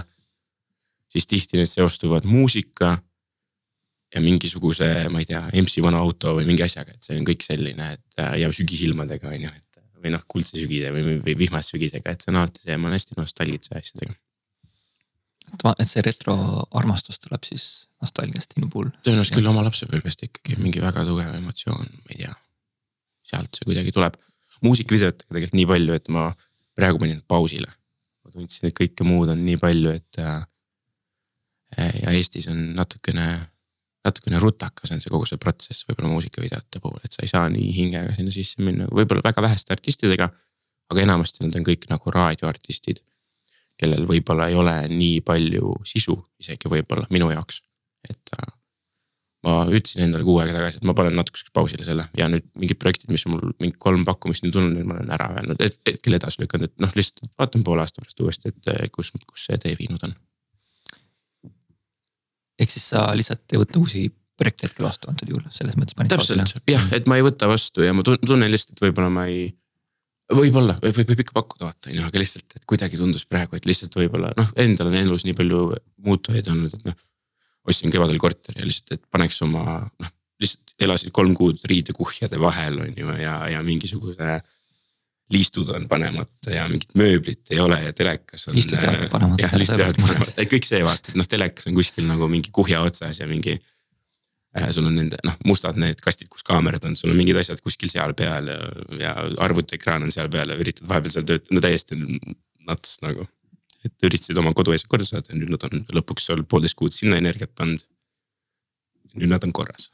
nüüd on peegel seinas, mida ei olnud viis kuud seinas ja nagu need asjad, et et võib-olla kuulajatel ka, kes ei tea, siis äh, võivad minna Youtube'i ja vaadata, et äh, sa oled äh, Sämmi lugudele vist teinud kõikidele videod on ju. ja, päris Helesale, Marmor Meisile ja see on ikka, ikka on, KAV-ile on tehtud ja, ja mingisugused isikud, kellega nüüd on, on koostööd tehtud ikka ja väga vahvad sõbrad. tead, et kui Youtube'i panna Markus Mikk, siis väga hästi tulevad need sinu tehtud videod välja ka. ja sa küll okei okay,, praegu aktiivselt nendega ei tegutse muusikavideotega. ma jälgin ikka, ma jälgin ja. kõike, jah. aga ma küsin siiski, et eh, kes võib-olla Eesti maastikul on, kas sul on ka muusikavideote puhul keegi eeskujuks olnud, kelle järgi sa šnitti võtad või see tuleb ikkagi su enda seest kuidagi mm.? okei okay,, või, või välismaa maastikul, et see ei pea olema Eesti, et äh, mulle meeldib, äh, noh, ma olen väga suur The Weeknd'i fänn olnud pikalt ja, ja endiselt olen, et äh, Anton Tammi oli üks siis Soome resa, kes tegutseb väga palju maailmas Antoni Tamm ja Anton Tamm, ma ei tea, jah. nimedega on sihuke mälu nagu ta on, aga jah, et mingisugused. tal, tema catch ib ka seda atmosfääri väga hästi ja seda mingit, mingi nostalgia on tema pildis ja kõik see, et äh, muusikavideote puhul võib-olla jah, Anton Tammi mm ikka VHS-iga peab filmima igast muusikavideos ühe. ei, ei, ja, ja ei mõtle sinu, sinu videot. tõsi, ja, ja mingis mõttes küll jah, et sul peab jah, mingi handicam või mingisugune nostalgia element või mingi see vana, vana teler peab seal vahepeal olema. kuigi sellest ma olen ka viimasel ajal lahti lasknud, saad aru, et äh, see teeb protsessi palju-palju raskemaks ja, ja mulle, mulle meeldib vist kõikidele inimestele, kellega ma koostööd teen. mulle ei meeldi tasuta, mulle ei meeldi tasuta tööjõud, et mulle meeldib maksta ausalt ja siis ongi see, et kui sul on see Eesti muusika mulle, ma tahaks nagu pakkuda hingega asja. ja, ja kui sul on vahepeal noh, see keskmine, ma ei, ma, ma võin vist summasid, summadest rääkida ikka see, see plaadifirma keskmine raha, mis tavaliselt on, on, jääb sinna. kahe tuhandeni kuni kolm, kuni kolme tuhande euro kanti ja lõpuks, kui sa nagu maksad kõik tehnilised asjad ja üritad seda veel mingit nostalgialaksu kuskilt rentida veel on ju siis lõpuks endale jääb kätte see kuu aega peavalu ja, ja see režissööri tasu seal viissada kuni tuhat euri, no võib-olla, kui üldse ja see on see, kui sa teed nagu reaalselt kahe inimesega võib-olla ainult selle ära ja sa lõpuks ikka oled ise nii kaua seal sees. et, et jah, aga ma ei saa viriseda, see on väga palju mulle andnud ja väga palju ma olen, ma arvan, et ka oma, oma artistidele andnud, kellega ma koostööd olen teinud või aidanud neil natukene pürgida kuskile. jah, ja mulle meeldivad muusikavideote puhul ka need hingega inimesed, kes nagu päriselt teevad asju ja päris inimesed, kes teevad, nagu sa näed, et nende kõrvalprotsessi ka jälgida nende arengut, et. Äh, Eestis muidugi jah, väga, väga vähe, väga palju lauljaid ja väga vähe artiste. võib-olla nagu selles suhtes, et, et mingisugust artisti kuvandit, mulle tegelikult väga meeldib praegu, mida Ann Marlen teeb. Äh, ma olen, ma ei ole liiga palju jälginud seda nii-öelda värki. aga mulle meeldib, et tal on, tundub, et tal läheb täie käsi käima praegu ma kõrvalt fännan vaikselt salaja, ega ma kellelegi ei ütle seda, aga nüüd no, teate. nüüd vähemalt kõik teavad. oota, kuidas sa ütlesid, et äh, väga palju lauljaid, väga vähe artiste väga hästi öeldud. nagu seda, seda kuvandit või tervikpilti on Eestis vähe kõigil nagu noh. no Nublu ilmselgelt on mingi tipp, on ju, kellele ka makstakse raha, et asju teha ja no kelle, kes ka päriselt teeb, on ju. aga eks võib-olla ka mingi hetk, et noh kaua sa seda räppi jaksad kuulata, et see asi liigub nii mujal suunas ja ma arvan, et nad ise tulevad sellega kaasa ka ja Anmerl on, on ka väga fresh ja tegelikult nüüd Boy Pepperonil tuleb vist uus album ma väga seda ootan. et jah, jah, noh jah, see selleks. ei, ei täitsa mõttes, ei väga hästi öeldud, et äh, mitte, et see muusikateemaline podcast siin praegu oleks, aga ja just, et äh, muusikavideost oleme tegelikult äh, ka varasemalt rääkinud, Sandra Allikmaa on siin külas käinud ja kellele ma väga Äh, põgusalt rääkisime muusikateatest. ma kuulasin selle episoodi ära, sest mulle Sander ei meeldi või nagu ta meeldib mulle, aga mulle ja ma, ma olen seda talle vist isegi öelnud, me oleme kuskil kohtunud või midagi. nagu ta käekiri või, või inimesena mm,. ei, inimesena ta on väga vahva poiss ja, ja ta on ju hästi töökas. tohutult töökas, teeb miljonit asja. ta on täitsa hull peast. Sandri, vaata, aga Sandri, nüüd ma saan aru, miks, miks mulle Sander ei meeldinud, Sandril on sama asi Eestis ei ole raha selles muusikavideotööstuses ja kui sa tahad midagi enam-vähem tehniliselt hästi teha, siis sa ei saa sinna lugu panna tihtipeale, et nagu. ja see on see kaks äärmust, kas sa teed nüüd tehniliselt ägeda video või teed loo põhjalt, aga nagu väga raske on seda keskmist teha ja noh. sa saad ainult siis seda tõenäoliselt handicam'i või telefoniga teha või noh, või mingi täiesti teise nagu, et sa ei saa seda kõigile nagu pakkuda, et noh, Mart Varesega teeb Sanderiga hästi palju koostööd. kes on väga ma ei ole temaga kunagi elus kohtunud, aga tundub väga äge poiss ja ma fännan tema mingisuguseid asju, aga noh, eks noh. Eestis kipub lihtsalt kuluma tihti see asi väga kiiresti, et see, seda värsket hingamist, aga ma kuulasin selle episoodi ära ja mulle väga meeldis see episood. jah, ja no hate Sander. Lihtsalt need on erinevad koolkonnad. Ja, aga nüüd ma saan aru vanemaks saades, miks Sander võib-olla vahepeal nii-öelda on, on mingeid otsuseid võib-olla teinud oma muusikavideotes, mis tal nagu noh, see lihtsalt see ei ole jätkusuutlik muidu. jah, sest et eh, video tootmine üleüldse on see muusikavideo või reklaam või sotsiaalmeedia klipp, et ta on ikkagi lõpuks üks suur kompromisside kogum. vastavalt siis su vahenditel, inimestel, eelarvel ja. täpselt ja, ja kompromissi peab väga palju tegema. väga palju peab tegema jah sellest hoolimata ma väga loodan, et sul ikkagi tekib mingi hetk taas tuhin ja, ja ka variant muusikatöös teha, sest tõesti see käekiri on eh, väga äratuntav positiivses mõttes. mul on praegu tehno peale see asi natuke liikunud see on, see on sihuke huvitav asi, kuhu mul see, mul on väga palju häid tuttavaid seal tekkinud selles maastikul mingi aastaga ja see on. see on väga huvitav, et sa sisse tõid, et äh, mul on siin kuskil märge ka, et äh, ma jah, sinu eeltööd tehes sind guugeldades mm, -hmm. siis ma sattusin peale, et on tõesti selline täitsa ma ei oska seda sõnastada, ühesõnaga ma saan aru, et, äh, et on hästi populaarne vist teha siis näiteks meil on artist Mari Mell on ju. Meri Mell jah. kes teeb tehnot ja Youtube'is ongi, ma saan aru, täitsa kohe niimoodi täispikad siis nagu Mhm. kontserdid nendest mingitest DJ settidest mis ongi kuskil väga ägedas lokatsioonis a la kuskil Põhjala tehases mm -hmm. on Mhm. ja väga nagu ilusti mm -hmm. väga ägedad äh, kaameratega filmitud ja kolokraditud ja oh, näevad stiilsed välja mm. Mhm. ja siis ongi põhimõtteliselt paned Youtube'ist peale vaatad nagu reivi või paned Ja, ja, see on nagu teema, ma saan aru ja, ja see on see, et sa paned Youtube'is selle tööle ja lähed ise samale süüa tegema või istud lihtsalt diivani peal, teed tööd ja sul taustal käib vaata, et sul nagu mingi pilt on nagu mingi muusika koos, et. enne seda ju tegelikult noh, paar aastat tagasi oli see, et. Ja videoid, noh mingi boiler room ja asjad on selle toonud, noh, aga see on täiesti teine teema muidugi. aga see on lihtsalt äh, et sul noh, tekib see tervik võib-olla ka artistist, aga noh, see on jälle see teema, noh, see on jälle see maailm, et mulle meeldib need maailmad, kus raha väga ei ole vist, et. et ega seal ka liiga palju raha ei ole, aga seal on mingisugune hing võib-olla jällegi. ma ei tea, ma nüüd see nii see palju et aga. muidugi mina, mina nagu selles muusikaskeenes ei ole, kas ta oli Mhm. nagu huvitav, huvitav näha, visuaalselt muidugi mm. -hmm. üliägedad näevad need kõik välja, on ju. Ja eks see DJ värk on nagu ta on jääb. aga just see, et, äh, et ongi nagu full on nagu pikk sett live ja siis Jaa. eriti ägedad on muidugi need.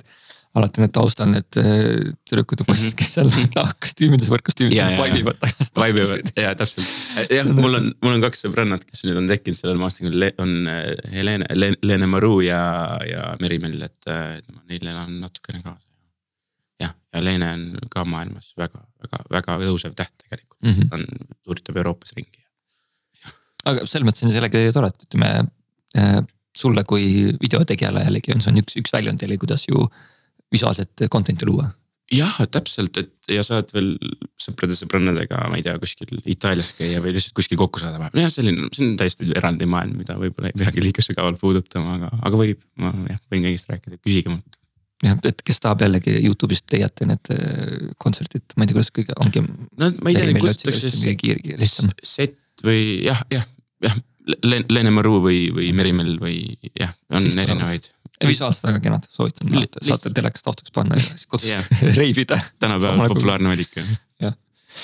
Äh, nii, aga äh, ühesõnaga jah, ma loodan, et sa videot jõuad tagasi, kuid mingil hetkel siis sa sattusid kogu selle filmiprotsessi tegemise kõrvalt ja, ja siis ka EKA-s õppimise all sattusid, sattusid tööle ka päris agentuuri, baasagentuuri. kuidas see juhtus ja millal äkki räägid natuke tead, see oligi. ma olin nüüd noh, vaata kui see Covid tuli, tegelikult juba enne Covidit mul oli, ma sain aru, et mul on vaja ikkagi ettevõtetes tööd teha, et ega, ega see eraisik sulle noh. mustalt sulas liiga palju ei maksa, et ega seal raha ei liigu ega sa sellest ära ei ela lõpuks. Kui just pulmavideoid ei tee või, või mingit perepilte kuskil stuudios on ju võib-olla. ettevõtlus on ikkagi mõistlik. ettevõtlus on igasuguse, jah, täpselt ja ikkagi maksud makstud ja kõik muu on ju. jah, me siin sularahaga ei tegele. jah, jah, täpselt ei tegelikult mitte. enam. enam, enam, see, see on lihtsalt jah, täpselt. mul tuli paar foto otsa, mul oli vaja ettevõtet. tegin ettevõtte ja siis hakkas ise asju tulema järsku, noh, kõik ju olid nagu ettevõtjad hakkavad sult teenust ostma, saavad aru, et see on palju mugavam sinuga diilida kui enne, on ju. ja ise hakkas tulema ja siis tuli Covid peale. mul oli null, null tööd. no ega ma ei olnud juba kaua tegelenud, ka kuus kuud olid enam-vähem juba vaikselt pildis olnud ja. ja oli null tööd ja siis ma hakkasin, ma tegin mingeid betoonikeikasid sõpradele ja nagu kõike. sa olid ikkagi mõttes täitsa üksi, üksi kunt nii-öelda. üksi kunt täpselt ja. EKA kõrvalt, ma see oli sellepärast, et ma tegelikult sõitsin taksot ka vahepeal. Ja enne seda, miks ma üldse nagu fotomõistlustöölt ära tulin, oli kõik see, et sul tekkis mingisugune vabadus, et saad ise otsustada, mis hetkel sa raha teenid, on ju. ja siis aga Taxify muutus Boltiks ja siis hakkas see mingisugune kokkuhoidmisvärk seal vaikselt kokku, et see startup indusest liikus see asi ära. ja enam juhtidele ei makstud nii häid boonuseid, asju, värk-särke ja, ja siis ma hakkasin, tegin oma ettevõtte, hakkasin fotot tegema, siis tuli jälle null, null seis, mingi kolm kuud ei olnud üldse tööd. ma mäletan seda päeva, kui me olime. Kui oli see Eestis see lockdown hakkas tulema vist päeva-kahe pärast, see mingi kuusteist märts, mingi kaks tuhat kakskümmend kuupäev. me olime sel hetkel EKA-s fotoloengus Kalle Veesaar stuudios. ja Kalle Veesaar on Eesti üks populaarsemaid siukseid ähm, fotograafe agentuuridele, kõik pildid, mis sa põhimõtteliselt linna peal näed, sa tead, et need on Kalle tehtud enamasti on ju. kuskil agentuurid, no mingid suured nagu reklaampildid enamasti. ja me olime seal stuudios ja sa näed, et Kalle saab ühe tunni jooksul. Sul on kaks tundi pikk loeng ja saab tunni jooksul kolm kõne, kus tal cancel datakse kõik äh, shoot'id ära ja saad aru, et okei okay.. vist ei ole tööd oodata lähiajal, mul ka on ju. ja siis ma hakkasin jah tegema mingeid muid asju ja ja sain aru, et ma pean videot push ima, et see. kogu see, ma hakkasin koolis isegi vist videoülekandeid tegema, kui ma sain koolilt raha EKA-lt. Tegin arveid neile, noh kõik see, et sa hakkasid vaikselt nagu mingeid selliseid asju vaikselt tegema loengutest ja, ja hakkasid sotsiaalmeedia sisu vaikselt tootma, sest see nagu läks nii palju, palju populaarsemaks, kõik läks videopõhiseks. ja siis minust sai see videotegija, kes tegi sotsiaalmeedia videoid mingitele agentuuridele koostöös. ja siis ma vist tegingi üksi aasta-poolteist, ehitasin ennast üles vaikselt kooli kõrvalt, tegid igal võimalikul hetkel tööd. ja, ja niimoodi see läks ja lõpuks said kutse.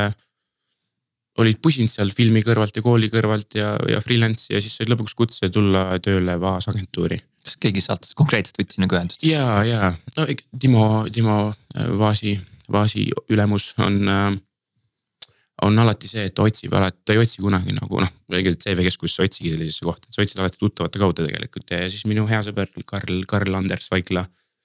töötas Vaasis, ta oli just tegelikult vist kaks kuud tagasi taevast sinna läinud ja oli ka kutsutud sinna nii-öelda ja, ja siis äh,. ja siis olin mina järgmine ja nüüd ma olen seal nüüd kaks aastat juba kohe tegutsenud.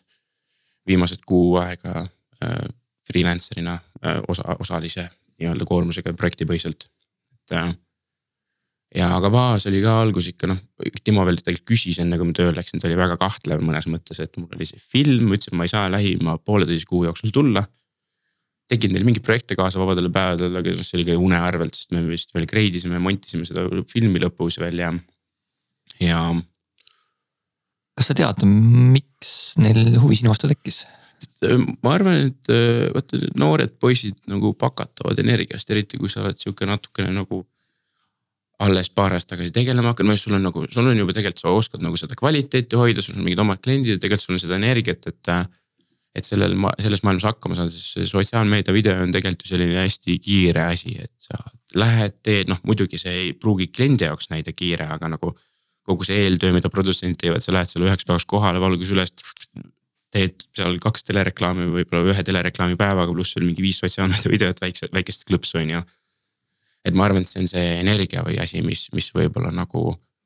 Et sa suudad une arvelt ja oma pere arvelt või sõprade arvelt vahepeal ka tööd teha, et noh, et see on mingisugune asi, mida tegelikult väärtustatakse inimeses, et sa ei ole ainult see, et noh, nüüd on kell viis ja mina panen ukse kinni, vaata, et. et võib-olla see, aga jah aga see oli alguses kindlasti, mul oli ju EKA veel lõpus sirge ja lõputöö, ma mõtlesin, ma ütlesin temale, jaa, ma saan hakkama, et mul on see EKA, ma noh. sest seni oli EKA-s olnud see, et ma poolteist aastat olin e-õppel olnud video pildi najal asju teinud, on ju. Ja, ja see viimane pool aasta on lebo ja mul on nagunii netis kõik kohal ja siis sai just Covid läbi, noh prõmm hakkas see mingi. oli switch ja siis ma sain aru, okei okay,, veits, veits lubasin võib-olla üle, on ju, et mul oli enda projekte sel ajal hästi palju, enda mingeid, enda sotsi kliente, mingeid pisikesi enda sõpradele enda muusikavideoid, EKA lõpud, päriselt EKA-s kohal käimine üle kahe aasta. päriselt agenduses oligi mingi sihuke periood kuus kuud järjest, kus ma olin mingi kuusteist, kaheksateist tundi järjest lihtsalt vahepeal isegi magasin kontoris. sest hommikul oli vaja kooli minna ja vastupidi ja, ja, jah sihuke huvitav periood, mis, mis põletas päris korralikult seda kümnendat päris kiiresti. mida Vaas võib-olla sulle seal töötamine sulle kõige rohkem õpetas? või õpetab siiamaani tegelikult? siiamaani ja, äh, ja Vaasis on tegelikult vahva, väga see seltskond meeldib seal. väga mõnus töökeskkond loodud ähm,. Vaas õpetas seda, et äh, vahepeal ka mingite väga väheste asjadega justkui noh, tegelikult noh, ei kümme aastat tagasi ei oleks osanud unistadagi. väga kiirelt, ägedalt väheste asjadega saab ka vahepeal asju teha, et, et ei pea alati noh, muidugi Vaasil on ikkagi see struktuur, shortlist'id, asjad, kõik on nagu paigas, on ju. kliendiga kõik äh, pre-production meeting ud, kõik asjad noh, ikkagi on nagu päris asi. aga lihtsalt see, et, et sa oskad teha. Noh, et sa, sul ei ole vaja seda mingit üli fancy't BFM-i heavy setup'i või nagu filmi setup'i, et asju teha alati, et et tihti on sul võib-olla ainult vaja ennast ja kaamerat ja, ja veits valgust ja sa suudad sellest sitast saia teha või, või nagu sest sotsi puhul need eelarved nagu nii varieeruvad, vahepeal on see nagu noh, üpris suure eelarvega, vahepeal on noh. et see keskmise eelarvega asi Eestis, et noh, on väga. sa suudad hakkama saada igas olukorras, võib-olla on see. Ja, ja seda ma ka ise olen väga palju sealt õppinud ja, ja montaaži kiirus. ma ei ole ennast kunagi monteerijaks pidanud, ma jään väga montaaži alati kinni nokkima, ma hakkan enne värve tegema, kui monteerima, vaata mingi sihuke asi on ju. et äh, jah, et kogu kiirus ja flow ja suhtlus ja ja mis päriselt nagu sellel maastikul toimub, et see on kindlasti Vaasist saadud väga hea ja ma väga hindan seda ja üldse seda, et ma just eelmine nädal vist tegelikult Timo ja Triinuga, noh. ülemused Vaasis. Rääkisin, et, et kuulge, et ma just mingi trip down the memory lane oli endal, et, et ma väga hindan seda, et ma üldse siin olen. olgu noh, et ma enam nagu, nagu sa ütlesid hingekirjas või, või kuidas sa ütlesid, on ju. et ma enam teie hingekirjas nagu justkui ei ole, aga ma olen ikka siin ma käin ikka nagu kontoris, käin võtetel justkui mingi kaks-kolm päeva nädalas mingeid asju tegemas, on ju. ja, ja ma väga hindan seda ja mulle väga meeldib, et ma oma eluga praeguses hetkes olen. Ja et saan nagu siin olla ja teiega asju teha ja et te mulle üldse selle võimaluse olete andnud. sest noh, lõpuks ma olin lihtsalt üks mingi EKA koolipoiss, kes tegi natukene freelance videosid on ju, et äh, kõige kõrval saan ma õigesti aru siis, et, et hetkel sa töötad nendega pigem projektipõhiselt, et mm -hmm. varasemalt sa olid siis nagu nii-öelda ametlikult nii-öelda äh, nimekirjas siis? ma olin kuni viieteistkümnenda augustini olin äh, jah, olin äh, täiskohaga tööl. Aga ma tegelikult juba rääkisin eelmine sügis oma ülemusele Timole, et, et kuule, et noh, et mul tunnen, et mul on vaja muutust, et ma nagu noh, eriti kui ma enda videoid, enda muusikavideo, tegelikult see halvab, see muusikavideo mind vähemalt halvab kuuks ajaks ära mul mõte kogu aeg sellega mingi, mingi mõte kogu aeg tiksub kuskil taga, on ju. et äh, jah, et aga ma tundsin, et mul on vaja mingit muutust juba umbes aasta aega tagasi. et mingisugust väikest switch'i. ma arvan, et see lihtsalt esimene pool aastat põletas mind nii retsit, et ma lihtsalt ei taastunudki lõpuks ära. Ja siis ma ostsin oma korteri ära. rügasin veel erinevaid asju teha ja nüüd ma lõpp, lõpuks lihtsalt suve alguses või keskpaigus rääkisin, kuule, et nüüd on vist see hetk, kus ma lihtsalt pean natukene tagasi tõmbama. ja ülihästi, minu jaoks vähemalt on ülihästi toiminud, ma loodan, et ka Vaasi jaoks me oleme sellest rääkinud, et. Äh, praegune testperiood on justkui kaks kuud juba kestnud ja tundub, et kõik saavad hakkama ja kõik toimib enam-vähem. ja ma loodan, et läheb edasi ja ma noh, ma ei taha olla see puuk kunagi või see nagu mingi mingi, mingi nälkjas kuskil, kes imeb mingit, mingit süsteemi tühjaks, ma tahan enda poolt võimalikult palju anda ja ma tahan, et minuga oldakse rahul ja et mina oleksin teistega rahul ja et ma ei taha olla see vend, kes hakkab lihtsalt ükskord lüpsma kuskil, oh jess, et lähme teeme selle asja ära, vaata, et noh no Vaas selles mõttes minule ka käekirjana väga meeldib just nagu sa ütlesid ka sihuke, jätab siukse noh, ongi ja sihuke päris agentuur on ju. -hmm. ja kliendid ka, ega ei saa salata, väga suured kliendid siiski, meil on, Vaasil tähendab, on näiteks äh, Alexela, Bolt, Nike Rimi, LHV, suured nimed kõik. täpselt, Rimi ja Tele2 on siuksed aktiivsed kliendid, iga, iga, kogu aeg teeme neile sisu, aga seal on ka noh, nii-öelda produktsioonifirmaga teeme teiste agentuuriga koostööd, kust tulevadki need LHV-d ja. ja, ja näiteks Alexelad ja asjad, et jah on, on, on. hetkel käib vist see Gold Time'i kampaania telekates koos Tanel Padariga. ju. seda mina õppisin ja, ja olen tõesti, olen tõesti, jah, see oli suvel, suvel filmitud et sellised äh, ikkagi äh, nimekad brändid ja, ja kindlasti noh, ma arvan, et äh, selliste klientide poolel ei saa allahindlust teha, et töö peab vastama standarditele kindlasti. vast küll, vast küll ja nad ikkagi endas kõik on ju, et. sa oled olnud ju nii-öelda üksiküritaja, kus sa sisuliselt ilmselt pead tegema kõike, on ju, freelancer'ina mm. -hmm. siis sa Vaasis kindlasti said teha natuke kitsamat nišši, et olidki operaatorid seal mm, -hmm. ja treasury mm. -hmm. et mis rollis sa ise võib-olla ennast kõige rohkem näha tahaksid? Ennast kõige mugavamalt tunned? tead, see on ka, ma alati olen arvanud, et ma olen nagu operaator, vaata. aga nüüd ma olen aru saanud, et võib-olla ka see režissööri teema võib-olla natukene sobib, et ma vist oskan nagu inimestega suhelda ja. ja võib-olla see tulebki sellest, et sulle meeldib inimesi jälgida ja päriselt huvitada, on ju, et. ja, ja, ja võib-olla see nagu natukene see mingi fotomondi kunagine müügitöö või see läbi luugi õlle müümine on ju, et see võib, võib-olla annab seda nagu mingit julgust mingis asjas, et ma olen väga mõtlema, et võib-olla nagu mingi režissöör teema, et mul on väga kindel mingi oma mingi arvamus ja visioon vahepeal ja nagu push in seda võib-olla vahepeal on ju. aga mis ma praegu tegelikult, mis ma ka tegelikult ähm,, miks ma nagu Vaasist ka natukene tempot maha võtsin, on see, et ma tahaks võib-olla praegu, praegusel hetkel. spetsialiseeruma hakata natukene rohkem äh, color grade'ile, värvi, värvitöötlusele, et, et seda nagu endas parandada, ma tunnen, et nagu kõik muu enam-vähem juba noh, et saab juba hakkama aga color grade võib-olla on see asi, mida võiks arendada endas kõvasti. sa mainisid ka, et sulle on hästi oluline alati see atmosfäär ja nagu keskkond. et äh, millises keskkonnas ja võib-olla kellega sa ise ennast kõige turvalisemalt tunned, kus sul kõige rohkem meeldib viibida mm? -hmm. jah, ega kui õhustik sitt on, ega siis ei taha kuskil viibida on ju, et pigem sihuke mingi hea vaba. Kus inimesed eh, julgevad olla nemad ise ja, ja julgevad nagu päriselt rääkida mingeid asju. Eh, aga võib-olla asjadest, mis ei ole kõige nagu mingi rõõmsamad alati, on ju. et eh, keskkond, keskkond, keskkond ja mulle ei meeldi see mingisugune sihuke mm,, sihuke noh. mingi, mingi võltsvärk, et nagu mingisugused ma ei tea, mingi influencer'i teemad nagu liiga palju võib-olla ei lähe peale ja noh. Kunagi ikka jälgisid igasuguseid Eesti infokaid ja siis saad aru, et noh, lõpuks ei viitsi seda reklaami kogu aeg alla neelata, et noh, võib-olla see on selles ka, et sa ise elad selle asja sees kogu aeg, on ju. aga ikka üritad nagu, sa ei taha nagu suust alla kallata inimestele seda reklaami, et osta nüüd minu pesupulbrit, vaata, et nagu et pigem sa üritaks võib-olla nagu noh, tahaks mingit väärtust luua võib-olla, et, et võib-olla see nagu inimeste keskel, kes tahavad nagu, kes teevad südamega asja, on minu jaoks võib-olla see see keskkond võib-olla, kus, kus tahaks olla ja kus on nagu päriselt inimesed huvituvad enda asjast ja, ja ei virise või ja, ja tahavad nagu. tahavad teha asju ja ei ole nagu mingisuguseid limiite asjadele, et no nüüd on liiga väike eelarve või noh. eks see tuleb ikka operaatoril, noh kurat, ma ei saa ju teha asju, kui mul ei ole eelarvet vaata, et siis ikka noh, lähed selle handheld'i kaameraga, paned oma Sigma kaheksateist kolmkümmend viis ette ja. aga tegelikult saab noh, igas asjas saab, lihtsalt peab neid võimalused leidma või nagu need viisid.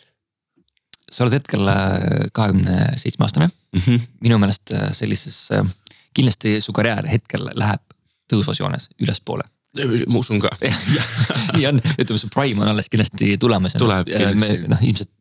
seitsmekümneselt. seda täpselt videovaldkond paraku on selline, et ega enne viitekümmet on kõik poisikesed. täpselt, täpselt ei saa uhkustada mitte millegagi, igat asja nagu noh vihkad, mis sa teed võib-olla. selles mõttes, et see ala on noh, selles mõttes teha, et siin on tegelikult saab väga pikalt eh, karjääri teha. aga ma küsingi veel selle nurga alt, et, et eh, oma noorest nii-öelda east hoolimata, kas on juba mingisuguseid asju, mida sa oled, mida sa kahetsed, et sa oled kas elus teinud või tegemata jätnud? kui mõelda siis töökarjääri peale mm. -hmm. vist ei kahetse midagi, ma ei saa kahetseda midagi, sest ma olen ju, mõtlen tegelikult, et noh ma ei tea, noh käin justkui nagu poole kohaga praegu tööl ja nihkerdad oma mingeid mittetulusaid projekte kõrvalt ja tegelikult saad ilusti hakkama ja. kodu on vahva ja kõik on olemas ja suudad endale Playstation osta, kui tahad ja et noh, noh mingid sellised asjad, et. et kõik on olemas, mul on kõik olemas, mida elult tahta, mul on väga. mul ei ole liiga palju häid sõpru, aga mul on ikkagi nagu ma ei tea, ma olen alati mõelnud, et mul ei ole liiga palju häid sõpru, et mul on ikkagi mingi oma seltskond, kellega on see, see maailm on nii nagu laiaks läinud, et nagu ma, ma nagu, mul on häid tuttavaid, kellele ma saan igal hetkel nagu alati küsida ja kellele ma üritan ise olemas olla. ja, ja mul on nagu olemas, mul on, mul on pere, peresõbrad, tüdruksõber, töökoht, tööotsad, võimalused, projektid, ägedaid reise. hetki, et, et ma arvan, et ei no muidugi ikka on see tunne, no ikka noh, et võiks ju noh. midagi veel, kogu aeg on see, et tahaks veel, et teed nagu, et ei suuda nagu puhkepäeval kodus istuda lihtsalt niisama, et noh, peaks ikka midagi tegema, vaata on ju. et, et jah, ma arvan, et ei saa midagi kahetseda. ei tahagi midagi kahetseda, sest äh.... väga õigesti ja elu, elutervelt öeldud, et sa tundud ka ikkagi esmamulje põhjal tõesti selline inimene, kes ega väga palju ilmselt naljalt ei kurda, vaid võtab elu sellisena nagu ta on, on ju ma see on naelapäev pihta. jah, just ja. iga hetk on oluline, ka kurb hetk või nagu see on väga, see peab läbi kogema kõik väga, väga tripima sügavale. sa tõidki juba sisse natuke siia seda eh, maailma avastamist ja sellist äh, ma tahakski võib-olla küsida, et eh, mida, mida Mikule vabal ajal teha meeldib, kuidas sa vaba aega veedad mm -hmm. ja palju sul üldse vaba aega on? vot see ongi see, et ei ole liiga palju vaba aega on olnud, et noh, patt on tunnistada, et ega ma nagu liiga palju filme ei jõua vaadata. ma vaatasin nüüd uuesti Breaking Bad'i ära.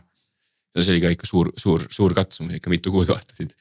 aga, aga vabal ajal ähm, ta tegelikult küsis mult enne podcast'i tulekut selle äh, Van, Van'i osas vaata. jaa, no võime sellest rääkida, sa, sa hakkasid, sa hakkasid ju kunagi, mm, sa hakkasid ehitama ühte oranži Volkswagen transporteri bussi endale koduks. hakkasin tõesti, sellest sai see, et ma sain aru, et mul enne päris kodu vaja, kui ma hakkan seda bussikodu ehitama. Ja siis see muutus, et nüüd ma nüüd viimased kaks aastat olin selle päris kodu nimel töötanud, mille ma nüüd poole aasta tagasi endale soetasin selle kõigil kallimal hetkel ja nüüd need euriborid lähevad ka veel üles, aga ei ole hullu. kunagi ei ole head aega ostmiseks, sest kui on variant, siis tuleb teha ja täpselt, nii see on, et. täpselt ja nüüd ma vist nüüd olen mõtisklenud. et kui mul nüüd see film tehtud saab või paralleelselt juba. Et äh, peaks tehniliselt selle kordama, see on praegu. sul on alles ikkagi see buss? see on mul alles, see on mul vanaema hoovi ees seal pinnuks silmas kõigile oranž karjuv buss on ju. aga see on maha kantud praegu registrist, sest äh, ma sain aru, et aast-, ma ei teadnudki seda, et aasta aega ei saa, mul on aasta aega ta maha kantud, aasta aega ei saa ilma kindlustuseta sõiduk vedeleda lihtsalt kuskil niisama. siis ma võtsin ta registrist maha ja nüüd on see hetk vist, kus ma nüüd regan ta kohe tagasi. Et äh, nüüd mul on ju kõik olemas, kodu on olemas. Playstation on olemas äh,. nüüd on võib-olla see tunne, et, et võib-olla oleks vaja seda, et saaks vahepeal kuskile suvel järve äärde minna või, või siis kuskile pikemale Euroopa tripile, kuskile Lõuna-Euroopaks näiteks kuuks ajaks või no midagi sellist kasvõi või kuskile Poola või ei ole nii palju Euroopat ja Eestit on ju tegelikult avastamata veel, et. Et selle vist võtan võib-olla kätte. Ma, ma, ma ütlen vist, sest äh, ma ütlen kindlalt võtan kätte, aga see hetk, ma ei tea, kas see on nüüd kuu või kolme pärast. jah. et millest sul selline kihk reisimise vastu ja just selle mm -hmm. ja sellise autoelu vastu ka võib-olla? võib-olla see vabadus või võib-olla see nagu ongi, tead, ma sain seda kaks aastat tagasi maitsta nüüd, ma tegin sellise testperioodi Eestis, et üldse noh, noh. panin lihtsalt voodi sisse väikese noh, mingi kankusüsteemi veega ja värki on ju, et lihtsalt aru saada, et mis üldse vaja on selle jaoks ja see oli vist kõige ilusam suvi mu elus. nagu Eesti lihtsalt, mul oli see hetk, kus ma vist ütlesin poolteist kuud kõikidel töötajatele, et ei, et mul on nüüd see aeg, et nüüd üks päev olin ühtede sõpradega Läänemaal. tulin tagasi, äh, pesin ennast puhtaks äh, sellest mereveest on ju ja siis äh, järgmine päev läks teiste sõpradega Ida, Ida-Virumaale, tulid tagasi neli päeva hiljem läksid kuskile Tartumaale, et selline väga vahva ja ühendav ja selline lõkke ääres sussutasite seal mingit kanakarrit kuskil poti peal ja, ja vahva. et, et see andis väga palju mingit vabadust ja mingisugust äh, seda mingit äh, loodusega ühes olemist, muidugi sai mingid puugid endale värgid, aga noh, selles suhtes oli nagu. see oli väga vabastav ja see, et sa nagu, ma ostsin isegi kajaki endale, ma ei olnud mitte kunagi kajakiga, ma ei teadnud isegi, kuidas sellega sõita, on ju. veits lühike oli, mul on päris pikk ja suur poiss, paks poiss aga see on viis senti liiga pikk on selle kajaki jaoks, noh see palju kronksus saab hakkama. ja mul see kajak ka veel alles on, kaks aastat mul garaažis olnud, aga, aga see on, katusraamid värk, no see oli nii vabastav, sa lähed lihtsalt. kuskile topuranda, lähed kuskile jõe või järve peale ja lihtsalt chill'id seal ja teed lõket ja vahid taevasse ja hingad, hingad suitsuhaisu sisse ja, ja tunned neid sääski su peal ja noh, see oli väga mõnus ja seda ma võib-olla igatsen jälle nüüd on jälle kaks aastat hullu pandud, et koolid lõpetatud ja töölt ära tuldud ja nüüd võiks vaadata edasi.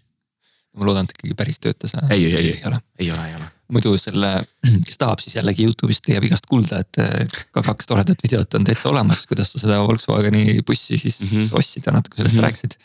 et sinu nime alt jälle otsides siis leiab, leiab ülesse. peaks ka private'i peale panema Nad võib-olla, nad vist olid registrivälised, aga no ühesõnaga leiab, leiab. leiab üles veel kuskilt on ju kes tahab, see leiab. aga kui sa nüüd uuesti selle, ütleme rännaku oma bussiga taaskord äh, ette võtad ja siis kuhu sa võib-olla unistaksid, unistaksid reisida ja mida sa, mida sa maailmat nagu näha ja saada tahaksid mm? -hmm. vaata kunagi, ma ei tea, kuidas minu arust paljudel noortel inimestel on see, et oo tahaks Ameerikasse minna või mul oli ka see periood, see faas et äh, nüüd seda ei ole, nüüd ma tahaks lihtsalt olla Eestis tegelikult olnud palju, kuidagi ma arvan, et see on mingi vanemaks saama, mingi, mingi sisemine patrioot hakkab välja lööma, et et vihkad Venemaad, aga vihkad ka Ameerikat ja seda Läänemaad, ma arvan, et me oleme seal kuldses, kuldsel, kuldses tsentris oma asjaga siin, et Eesti on ilus ja vahva ja. ja tegelikult Eestit tahaks väga risti-rästi kõik läbi sõita, sest tegelikult on ju väga palju siin nägemata. aga ka Euroopat, Lõuna-Euroopa, mida rohkem ma Lõuna-Euroopas ka samas käin. siis mulle ei meeldi vist sealne elu, mulle ei meeldi, et inimesed on, nad on kõik ju justkui nagu töökad, aga ka hästi laisad ja kõik on nagu naljakad, kõik on natukene sihukese nagu vimkaga inimesed seal võib-olla et iga, libedad sellid võib-olla, et mulle võib-olla, ma ei teagi, hästi oli sihuke Lõuna-Euroopa kihk, et, et läheks nüüd nagu noh, kunagi, kui ma selle bussi ostsin, on ju. et läheks nüüd aastaks ajaks, teadmata ajaks justkui läheks lihtsalt kuskil Lõuna-Euroopa poole niimoodi, et oleks praegu siin põhja pool tsentris ja talveks läheks sinna sooja kätte, on ju. aga nüüd ma isegi ei tea, kas ma tahaks sinna minna, on ju, no ma ei tea, kuigi samas mul on see Kreeka, Kreeta ja kogu see Balkanindus seal äh, käimata, et, et võib-olla ikkagi tutvuda nende inimestega, aga see Hispaania, Itaalia ja, ja mingi Sitsiilia ja Malta, kus käinud on, Malta on jah väike. aga kõik on nagu libedaid inimesi veits täis võib-olla või siuksed nagu, natukene teine veri võib-olla lihtsalt. et eestlastele võib-olla veits võõras. minu jaoks. kui ma sind peaksin nüüd tagasi kutsuma siia, ütleme mingi viie aasta pärast Mhm. näiteks Mm -hmm. siis mida sa, mida sa soovid hetkel, et sa oleksid selleks ajaks saavutanud? Nii karjäärist kui eraelus, Mm on sul mingeid unistusi? tead, mul on alati see viisaastaku plaan on ju, ma olen alati mõelnud selle peale ja unistused ja ma tegelikult mõtlesin ka eile, et, et mida ma unistan. miks ma küsin, on ka see, et vahel on väga hea neid välja öelda, siis Jaa. saad kuidagi Ja- saavad teoks paremini. täpselt ja unistustega on see teema, et sa unistad sellest asjast, et see võiks viie aasta pärast olemas olla. tavaliselt tuleb aasta või kahega, kui sa selle nimel tööd hakkad, sest sa lihtsalt nagu sa manifesteerid seda asja endale ja see lõpuks lihtsalt tuleb, on ju. või no mitte lihtsalt ei tule, kõik läbi, läbi suure töö ja magamatuse ja vahepeal ka lihtsalt sõprade arvelt või pere arvelt on ju, et. äh, aga tead, ma ei julge unistada liiga, no mul on nagu kõik asjad olemas, mida, millest ma olen unistanud hetkel võib-olla praegu ongi see, see vänn on veits poolikuks jäänud, on ju see buss, et võib-olla sellest võiks unistada. aga ma tahaks äh, spetsialiseerunud olla võib-olla milleski. Ma nüüd ei tea, milles, kas siis režissööris või operaatoris või värvikeerajana või mida iganes, on ju. aga tahaks võib-olla rohkem spetsialiseeruda, sest praegu noorena, ma arvan, et see on väga hea noorena kõike teha, kõike maitsta ja katsuda, on ju. et äh, tahaks rohkem kuskile spetsialiseeruda ja rohkem õnnelikum olla, õnnelikum kui ma praegu olen võib-olla ka kurvem mõnes mõttes, et ennast tundma õppida võib-olla rohkem veel. ja eks siis viie aasta pärast võib-olla näeb, et äkki siis juba olen, ma loodan, et olen. Ma loodan ka, et sa koged need emotsioonid läbi, mida sa siis hetkel kirjeldasid, et sa tahaksid, tahaksid kogeda. tead, ma pean tunnistama, et äh, ennast natuke kiitma, et, et minu eelaimus ei äh, valmista mulle pettumust, sa olid täpselt äh, nii siiras ja aus ja soe inimene, nagu sa ka tundusid. Seda me ju tegelikult, nagu ma enne mainisin, me ju tegelikult üksteist ei, ei, ei tundnud ja kuidagi jäid sa ometi oma käekirja, oma töödega mm -hmm. mulle silma ja mõtlesin, et oleks nagu tore sind kutsuda ja vestelda sellest sinu väga nii-öelda kujunemisloost. et äh, minu arust väga hästi ja. ja peamine asi, mis siit minu jaoks välja kumab, on asi, mida siis juba mitu korda siin podcast'i jooksul mainisin, see, et tuleb olla südamega asju juures. ja minu meelest sa oled ka hästi suure Mhm. südamega, hea südamega poiss. aitäh, aitäh, seda, seda öeldakse, seda öeldakse, vist siis olen ka. et Aitäh. äh, seda naljat äh, ei leia, võib-olla paljud arvavad, et see nagu. Et see ei ole Ei- cool, ei- kuidas, et see ei ole cool võib-olla ei ole cool, võib-olla nagu ei vii õigete tulemusteni, aga mina ikkagi leian, et parem teen asju nagu südamega, siiralt mm. -hmm. ja ausalt, kui seda, et lihtsalt kellelegi kogu aeg pugeda ja ma ei tea. ja jätta endast mingi hea märk maha ja mingi, jah, nõustun. ja samad sõnad sulle, tegelikult mul on endal ka, mul on väga pikalt, no mul on see, et ma mõtlen kõike, tahaks kõike teha. mul endal ka see väike podcast'i mõte olnud, aga veits teises formaadis võib-olla. muidugi, tee loomulikult, et, et võib-olla siis teeme vastupidi, on ju, kutsun sind. Vabalt, aga ma ei julge jälle lubada, et enne peaksin mingid muud asjad ära lõpetama, mis sa oled alustanud, on ju. ennem käid puhkate autoga täpselt, täpselt või teeme seda koos niimoodi, et lähme koos kuskile Eesti peale puhkama kutsud. tuled, see on lihtsalt sihuke väga kauge võib-olla mõte on ju, et, lähme ja teeme seal podcast'i kuskil lõkke ääres võib-olla hoopis Mm. või midagi sellist, vaatab, aga ei, ma arvan, et see sobiks sulle väga hästi, mõtleme. sinule selline kuskil, nagu sa ütlesid, atmosfääris keskkonnas Mhm. mm -hmm. olemine, inimestega vestlemine, lõkke, lõkke praksub taustal. see, see mõte on olnud viimased paar kuud ja ma arvan, et see oleks väga äge. Et äh, ja ühesõnaga mul oli ülimalt hea meel sinuga tutvuda ja sa tulid ja ausalt ja siiralt rääkisid ja mul tuleb meelde äh, sinuga seoses üks meem, mis siin ring, mingi aeg tagasi ringles mingisugune meem aastaid tagasi. mäletan, ma ei oska sõnastada, see oli see, et ole rohkem nagu keegi teine, vaata mm. -hmm. mingisugune kujutis oli mm. -hmm. be like mingi mis iganes, sambadels. ja mina ütleks samamoodi, et äh, olge rohkem nagu, olge rohkem nagu Miku, sihukene muretud, rõõmsad. Nautige seda, mis teil on ja ma arvan, et on palju lihtsam elada. mäletan seda meemi, mul ei tule ka meelde, mis see oli, Be like Tom või mingi no sihuke. Tom is cool või mingi. just, et ära jää närvi, ole rahulik, chill mm. -hmm. naudi, mis sul on, et äh, ja mul oli väga meeldiv sinuga ja vestelda. aitäh, Eerik Jah. äh,, väga vahva, väga vahva, et kutsusid, ja loodetavasti kohtume sinuga siis varsti jälle. kindlasti või siis kasvõi linna peal kuskil Jah.. jah, aitäh aitäh sulle tulemast. selline saigi seekordne episood. Loodan väga, et see teid kõnetas ning kindlasti jagage seda ka oma sõpradele ja tuttavatele, et head lood jõuaksid ikka võimalikult suure kuulajaskonnani. klapp podcasti saad jälgida ka Instagramis at klapp alakriips podcast ning hinnata sinu lemmik streaming platvormil. iga tagasiside on abiks ning kindlasti teretulnud. soovin teile kõike head ning järgmise korrani